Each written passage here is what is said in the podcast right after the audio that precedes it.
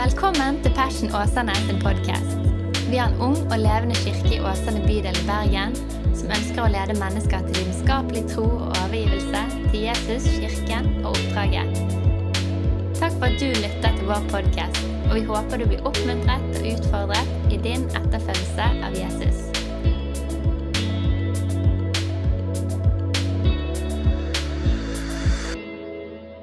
Utrolig kjekt å se alle og enhver av dere. Har dere det tålelig greit i dag? Så bra. Det er litt som å spørre folk i bryllup når jeg vier folk har dere det greit. Da kan du liksom ikke ja, har ikke det fint. Eh, men da er alle i godt humør, og sånn er det med barnevelsignelse òg. Det er bra.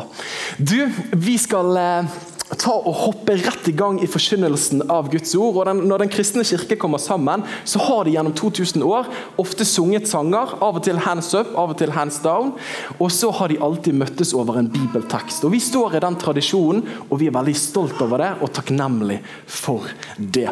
Og Forrige søndag så begynte vi en serie som het Fader vår. og eh, De fleste av dere har nok hørt de ordene tidligere. Fader vår.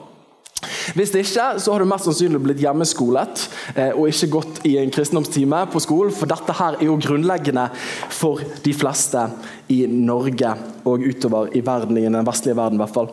Og Vi skal ta utgangspunkt i denne bønnen som Jesus lærte sine disipler. Jesus hadde verdens mest velkjente tale, nemlig bergpreken. Og Midt i denne preken her, i det sjette kapittelet så sier han folkens, når dere skal be, så skal dere gjøre sånn som dette. her. Og Da leser vi et par linjer før han kommer til selve Fader vår. Jeg leser. Når dere ber, skal dere ikke gjøre som hyklerne. Det er jo et litt slemt ord av Jesus å bruke, men han får lov siden han er Jesus.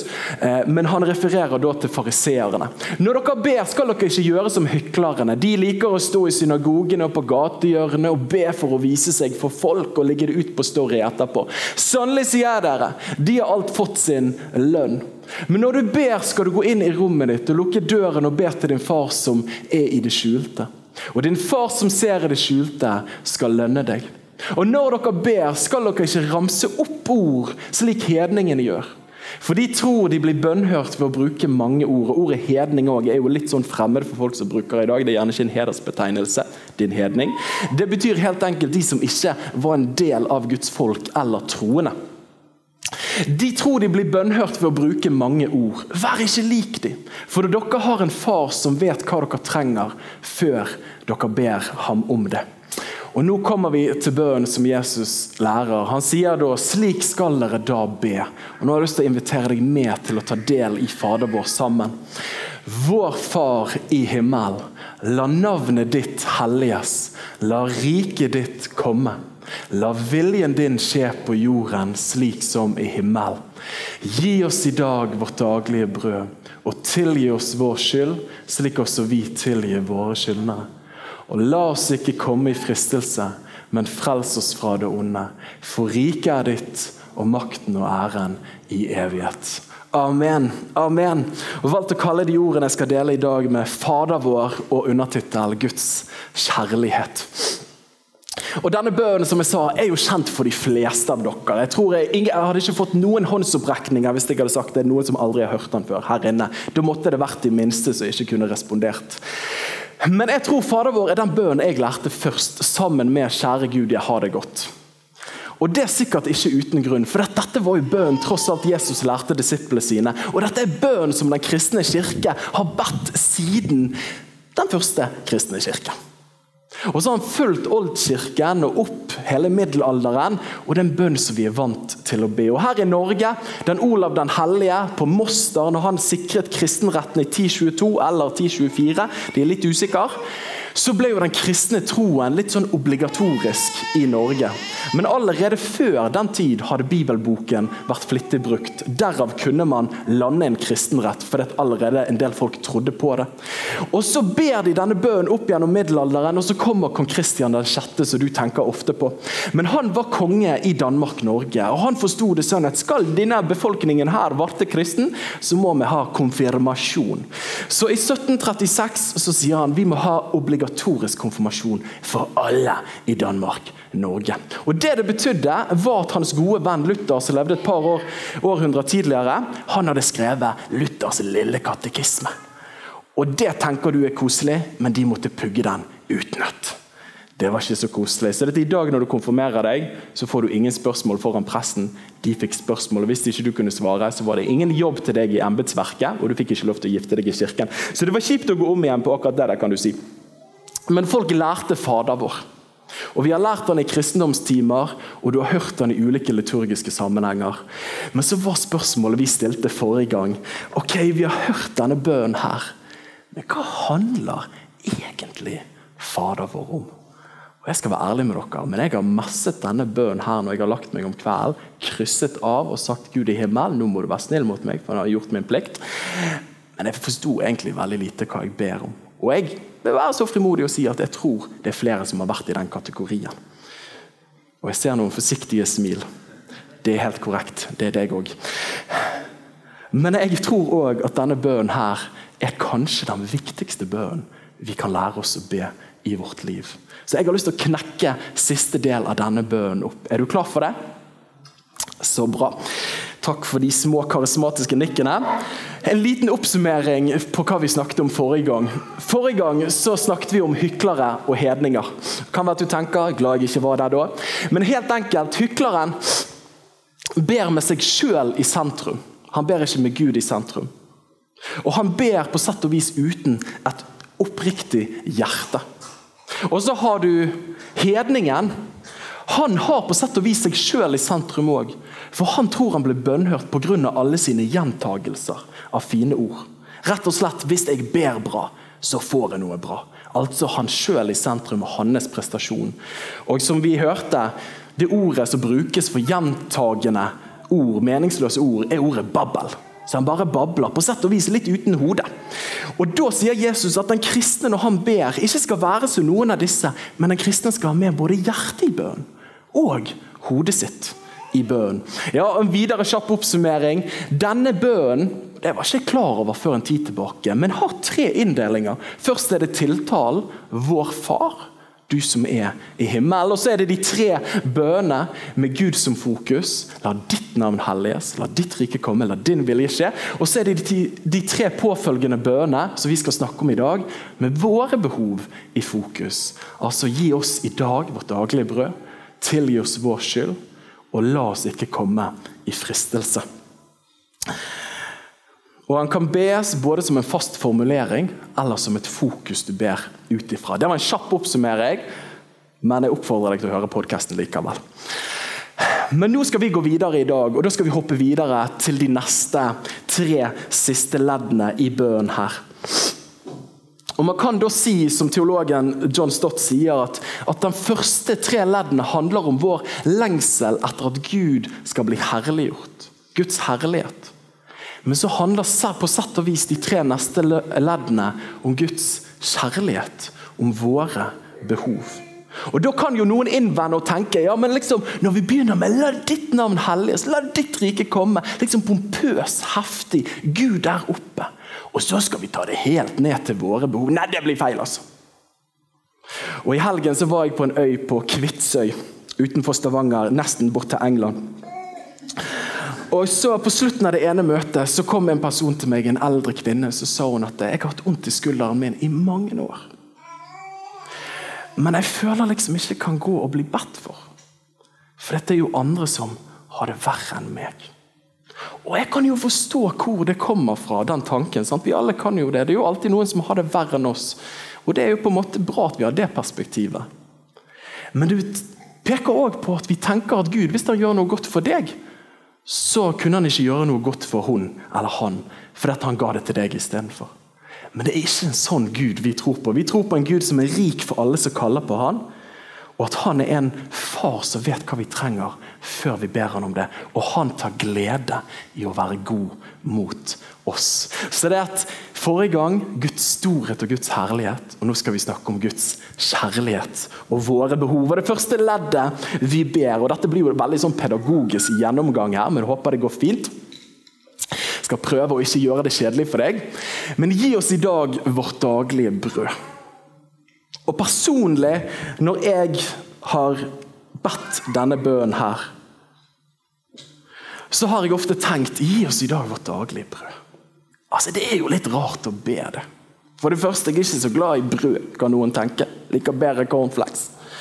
Eller 'jeg spiser ikke så mye brød'. Svenskevennene våre sant? de spiser jo nesten ikke brødmat. De spiser jo bare polarbrød eller gammel middag fra i går. Da jeg gikk på bibelskole, sånn var det. Alle svenskene. Hvorfor eter de brød? Sant? Ok, Men hva er poenget? Jo, jeg har tenkt, trenger vi dette brødet her? Daglig brød. Og da tror jeg Det første vi må ta og anerkjenne, er at vi lever i en del av verden der vi er utrolig privilegerte. Der vi ikke trenger å bekymre oss for hva vi spiser for noe. Mens i store deler av verden så er mennesker oppriktig bekymret for hva skal jeg spise det neste måltid, og hva skal jeg spise i morgen. Og jeg husker når jeg vokste opp hjemme, jeg bekymret meg ikke for om det var mat på bordet. For mamma hadde jo så klart lagd mat, eller som regel pappa, for han er best på middag. Eller når jeg giftet meg, så hender det òg at jeg kommer hjem, og så er det middag. Hva er tingen? Jeg bekymrer ikke meg veldig mye for det. Men så tror jeg òg at denne bønnen her kan være med å minne oss på Gi oss i dag vårt daglige brød. Da tror vi at Gud er giveren bak de godene vi erfarer å ha i livene våre. Klarer vi å se Gud bak det? Og Denne bønnen her, det første leddet, er det flere som syns har vært litt banalt. I Oldkirken, når de begynte å se på evangelietekstene, så syntes de at det var så rart at Jesus begynte å lære om, om først Guds storhet, og så var det liksom våre daglige behov. De fikk det ikke til å gå opp, så tenkere som Augustin og Tertullian og Cyprian, disse store tenkerne, de tenkte nei, dette blir for, dette blir for menneskelig. Så de tok og åndeliggjorde det og sa at vet du hva dette her handler om det handler om nattværen. Eller det handler om den dagen vi kommer hjem til himmelen. Da skal vi ha det festmåltidet med det beste brødet som finnes. For dette ble for dumt at det var liksom våre behov vi skulle be for. Og Da skal vi være glad for reformasjonen og de reformatorene der, for de var litt mer jordnær i sin bibeltolkning. Og Calvin, som sikkert flere husker fra kristendomstimen, når han leser disse gamle gutta, så sier han i en kommentar til dem dette er jo helt absurd. At de ikke klarer å forstå at dette handler om våre behov. Og Martin Luther, som vi er glad i, og som vi må sitere når vi ikke har barnedåp for å gjøre litt bot her i et luthersk land. Men han sier i den lille katekismen så sier han at det som menes med brød, er alt som er nødvendig for å bevare dette livet. Som mat, en sunn kropp, godt vær, hus, hjem, kone, la meg tilføre ektemann, godt styresett og fred.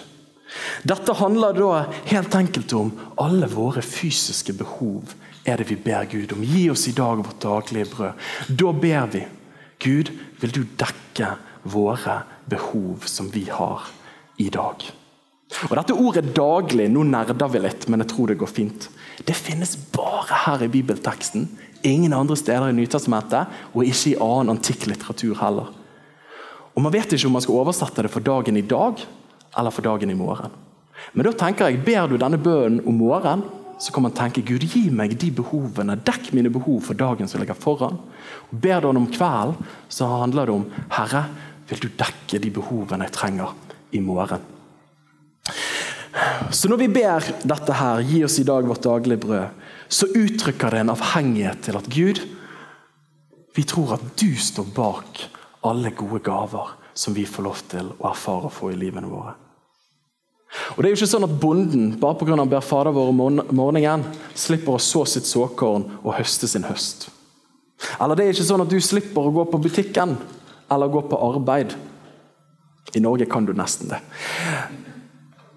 Men du må gjøre de ting du må gjøre. Men den kristnes tro er at bak de tingene så står det en god far som syter for oss. Men så tenker jeg også, for vi som bor i Norge, når vi ber denne bønnen, kan det òg være et tankekors til de som ikke får sitt daglige brød, eller ber denne bønnen med en tom mage. Hvordan kan vi være et bønnesvar for de menneskene? Sånn som vi gjorde her når vi tok opp et offer. Tenk at vi kan være med og gi det daglige brød og de daglige behov til mennesker. Er ikke det fint? Så bra, Da beveger vi oss videre. Det neste leddet. Tilgi oss vår skyld, slik også vi tilgir våre skyldnere. Oi, oi, oi. Daniel, skal du gå inn den døren og snakke om tilgivelse, synd og folk som har vært slemme mot meg? Ja. Og noen har sagt det så bra at tilgivelse er for sjel. Det mat er for kroppen. Og I det samfunnet vi lever i i dag, så lider ikke vi nød på å få våre fysiske behov imøtekommet. Vi har de siste telefonene, vi har de kuleste bilene, vi har de kuleste klærne. Og vi har behovene våre møtt. Men jeg tror at hvis det er én ting vår samtid trenger og lengter etter, så er det ikke minst å få de sjelelige behovene møtt. Å kunne høre at det jeg har gjort gale, kan bli tilgitt. At man kan få en ny start. At det finnes noen som elsker deg. At det er noen som har lyst til å møte de dypeste nervene. Og En ny serie på Netflix kommer ikke til å tilfredsstille det behovet. Eller en ny Tesla kommer ikke til å gjøre det, selv om det hadde vært fint. Tilgivelse er for sjel, det mat er for kroppen. Og Det ordet som oversettes med skyld her, betyr egentlig gjeld. Tilgi oss, Gud, vår gjeld, slik som vi tilgir de som står i gjeld til oss. Og Den beste forklaringen for det Jesus sier når vi skal be det her, er å hente fra Matteus det 18. kapittelet. Og Har du hørt om lignelsen om den ubarmhjertige tjeneren? Peter, disippel til Jesus, sant? han som var veldig høylytt, han var fra Bergen faktisk. Han kommer en dag til Jesus, og så sier han til han i det 18. kapittelet så sier han, du herre, jeg lurer på deg. Hvor ofte skal min bror kunne synde mot meg, og jeg skal tilgi? Og sånn at Nå føler Peter seg veldig kristen, så han sier så mye som syv ganger.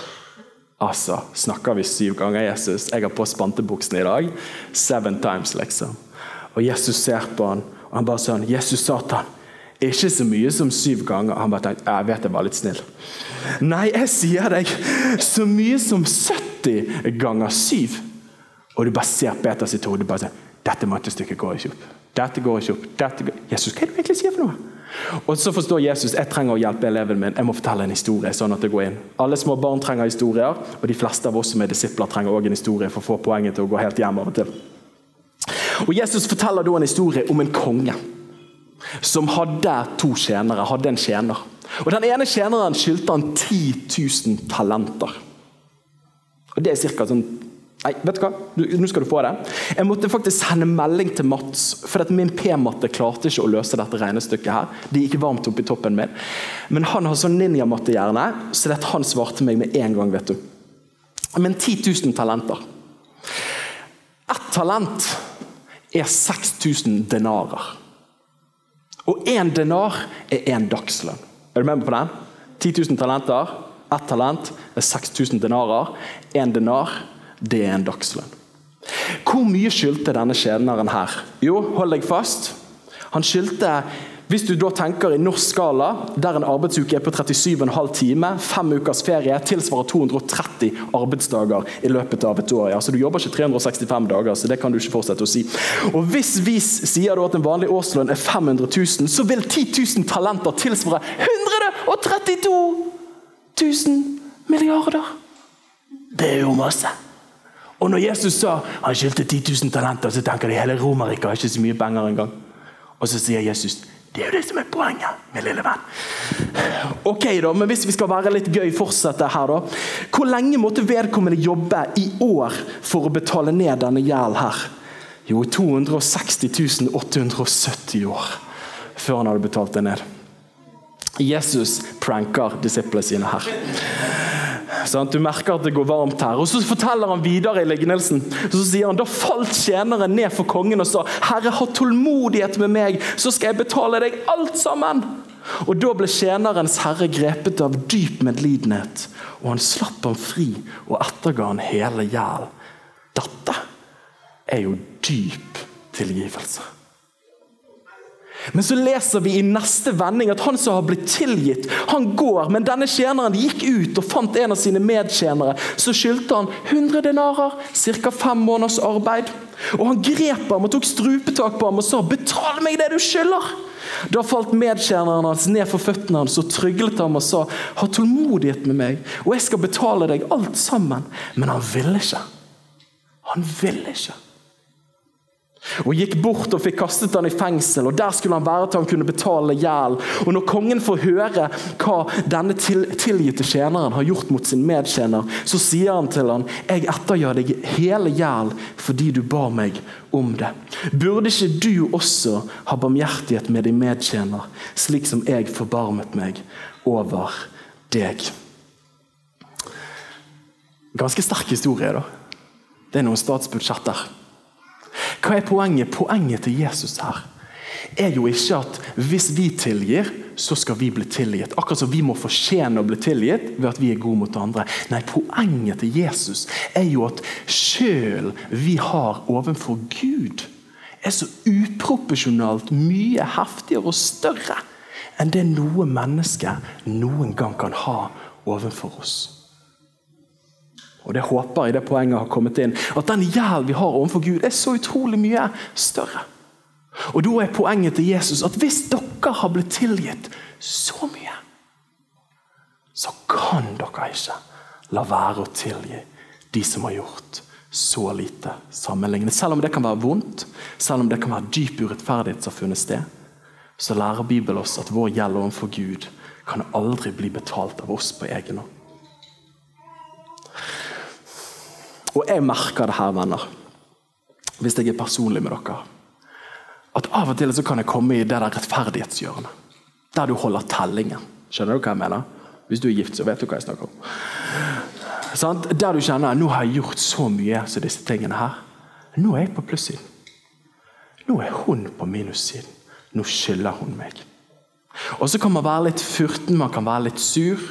Eller man kan holde andre folk på avstand og si vet du hva, jeg, du skylder meg ting. Jeg vil ha rettferdighet her. Men vet du hva som regel jeg har glemt? Da Da har jeg glemt hvor mye nåde jeg har fått av Gud. Og Jeg pleier å si det sånn for meg sjøl at et elskeproblem overfor andre mennesker er dypest sett et evangelieproblem. For da har jeg glemt hva Gud har gjort for meg. Da. Så jeg har lyst til å utfordre deg på det. Er det mennesker i ditt liv som du holder nag til, og som du ikke har lyst til å tilgi? Så jeg har lyst til å minne deg på hva Gud har tilgitt deg i Jesus. Da tror jeg det blir enklere å slippe mennesker sin skyld. Men tillit og tilgivelse det er to forskjellige ting. Og Det kan vi snakke mer om en annen gang. Men tilgivelse det kan vi gi gratis, for Gud ga det til oss. Kan jeg få et forsiktig amen? Takk. Det neste leddet og siste leddet vi skal gå inn i, er la oss ikke komme i fristelse, men frels oss fra det onde. Husker du den gamle oversettelsen som sa 'led oss ikke inn i fristelse'? Og Vi alle leste jo det hvis du var litt rundlest i Bibelen og tenkte dette var veldig rart. liksom. Jeg synes, så Gud ikke led oss inn i fristelse. Akkurat som Gud av og til i sine øyeblikk bare tenker nå har det vært veldig gøy å liksom pranke ungene mine. Og liksom la de skikkelig komme i en kjip fristelse. Sånn at de synder. Og sånn, nei, Jeg får ikke det til å gå opp. Og det er veldig bra at du har tenkt sånn. hvis du har tenkt sånn. Fred Jakob i sitt brev sier det første kapittel og 13. verset. Han sier at ingen må si når han blir fristet 'Jeg blir fristet av Gud'. For Gud kan ikke bli fristet av det onde, og selv frister han ikke noen. Ok, Så da må vi krysse av og si ok, da er det veldig bra med den oversettelsen. La oss ikke komme i fristelse. Men det ordet fristelse kan også oversettes prøvelse. La oss ikke komme i prøvelse. Eller led oss ikke inn i prøvelse. Men det kan ikke helt stemme. For det at Jakob i det samme brevet, i det første kapittelet og i det andre verset, så sier han mine søsken. Regn alt bare som glede når dere blir utsatt for forskjellige prøvelser. Og Dette er jo et vers som vi karismatikere ikke liker. Vi liker ikke å snakke om det, for vi tenker det er bare glory hele tiden. Men Gud prøver oss av og til, og jeg bare begynner å erkjenne det. Jeg har jo fått barn, så jeg erfarer det daglig. Nei, her må det være snakk om fristelser som kan lede oss til fall og til frafall.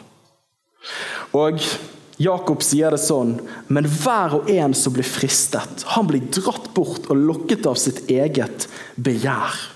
Og Når så begjæret unnfanget føder det synd, og synd, når den er blitt fullmoden, føder død. Så Jesus sier her, be om at dere ikke skal komme i fristelse som leder til fall og til frafall. Og Jesus, Når han er i Getsemanehagen, rett før han skal bli korsfestet, så sier han i Matteus det 24. kapittelet 26. kapittelet, så sier han våg og be for at dere ikke skal komme i fristelse. For kjødet er skrøpelig, men åren er villig. Våk og be. Våk og be. Daniel, hva mener du med dette? her? Jo, jeg har lyst til å gi et lite ord her. For Tankene mine går tilbake til min ungdomspastor. Og husker Han snakket om dette begrepet synd. Og vi bare tenkte synd, hva er det for noe? Sånn? Du, har du vokst opp i kristen sammenheng, så har du hørt om synd siden du var liten. Sånn? Du har ti stjerner i søndagsskoleboken på synd. Sånn? Men hva handler det sånn egentlig om? Og så husker Han brukte bildet av en liten løveunge. Og så sa han løvunger de er jo så koselige når de er små. Og, og, Du kan jo gå på Animal Planet og, og se sånne ting, og du bare tenker jeg bare lyst til bare kose med disse små greiene. Og så sa han se for deg synd, en fristelse. Du slipper han inn i rommet ditt, og det er som en liten løveunge. Og Det er veldig gøy, og det er koselig og det er kjekt, og man gjør ting man egentlig vet man ikke burde gjøre, men det var jo så gøy akkurat nå å gjøre det.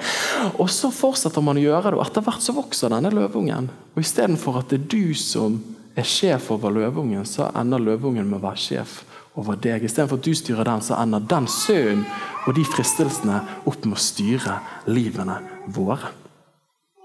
Og Det tror jeg mange av oss kan kjenne oss igjen i på ulike områder. Men Jesus sier 'våg og be'. Be om at dere ikke skal komme i fristelse som får makt over livet deres. For når fristelsen blir unnfanget, så leder det til det onde, som binder oss istedenfor å bygge oss. Dette handler om Guds omsorg for våre liv. Det handler om Guds omsorg for våre liv. Og så til slutt så leser vi For riket ditt, makten og æren i evighet. Og denne lille vedhenget på slutten her var ikke med i de eldste manuskriptene. Men mest sannsynlig har de kristne ført det på når de begynte å bruke denne bønnen i gudstjenestelivet sitt. Men jeg synes det er vakkert, for hva er det som skjer her? Jo, det begynner med Gud, la ditt navn holdes hellig, la ditt rike komme, la din vilje skje. Så det begynner med Gud, og så går det over til våre behov. Daglig brød, tilgivelse, og så fristelse. Bevar oss. Men så ender det igjen med Gud. For riket ditt makten og ære. Og det henspeiler til de første. For ditt riket, makten, la din vilje skje, og din æren. La ditt navn holdes hellig. Og jeg syns det er vakkert. Det begynner med Gud i sentrum, og bønnen sluttes med Gud i sentrum. Så hva handler egentlig Fader vår om? Jo, jeg tror at idet vi har knukket opp disse tre siste leddene i Fader vår og Dette er sikkert mer grundig enn de fleste av dere har fått det i kristendomstimen på barneskolen. Men disse tre leddene her tror jeg, på samme måte som du har Abraham Maslow sin behovspyramide, de basale behovene i bunn, så tror jeg at Jesus tar inn det menneskelige behovet. Daglig brød tilsvarer vårt fysiske behov. Tilgivelse tilsvarer vårt åndelige behov, eller sjelelige behov. Og så la oss ikke komme i fristelse, men bevare oss fra det onde. Tilsvarer vårt moralske behov, eller vårt behov for måten vi lever på. Tok du den? Så Jesus tar på en måte og innkapsler hele den menneskelige erfaringen og sier at be disse bønnene her, for det dekker den hele menneskelige dimensjonen av å leve på denne kloden her. I første ledd så begynte det med Guds herlighet. Guds herlighet, at Gud er i fokus. Og på slutten så avsluttes det med Guds kjærlighet til oss. Og I den gamle salmen så synger vi 'Bare i din vilje er jeg fri'. Og jeg tror det at Når Gud får lov til å ha senterplassen i livene våre, når det begynner med ditt navn, ditt rike, din vilje, så tror jeg at når Hans herlighet får være sentrum, så tror jeg fort vi får lov til å erfare hans kjærlighet òg. At våre behov òg blir møtt. Og Tankene går helt avslutningsvis når Jesus litt senere i det samme kapittelet sier søk først Guds rike. Eller la oss si søk først Guds herlighet. Så skal alt det andre og deres behov òg bli gitt dere i tillegg. Ofte tenker vi at jeg må ta vare på meg sjøl og Gud kan være en ekstra greie. Bibelen sier la Gud være sentrum, så vil de andre tingene i livet erfare å bli møtt. For han er en far som vet om hva vi trenger, før vi ber han om det. Fader vår er altså bønn om Guds herlighet og Guds kjærlighet til oss. Og jeg håper og jeg lengter etter måtte dette bli en bønn som blir børstet av støvet på revet løs fra bare litt sånn tankeløs repetisjon, men at det kan få lov til å bli en bønn som beveger våre hjerter, så vi er med med i hodet, og så kan få lov til å bli en bønn som vi puster og lever våre liv ifra. Er du med på det? Da kan du ta for å reise deg som en god karismatiker. skal vi ta og be sammen når lovsangstimen gjør seg klart.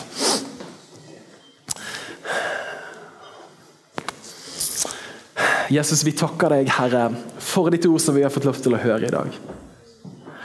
Og Gud, vi takker deg for du er ikke en Gud som bare er høyt der oppe. Men du er en Gud som bryr deg om de mest jordnære, fysiske og livsnære behovene som vi måtte ha i våre liv.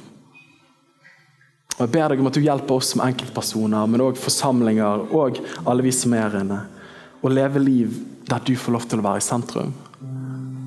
Og at vi kan få lov til å erfare at du møter oss og våre behov fra det stedet.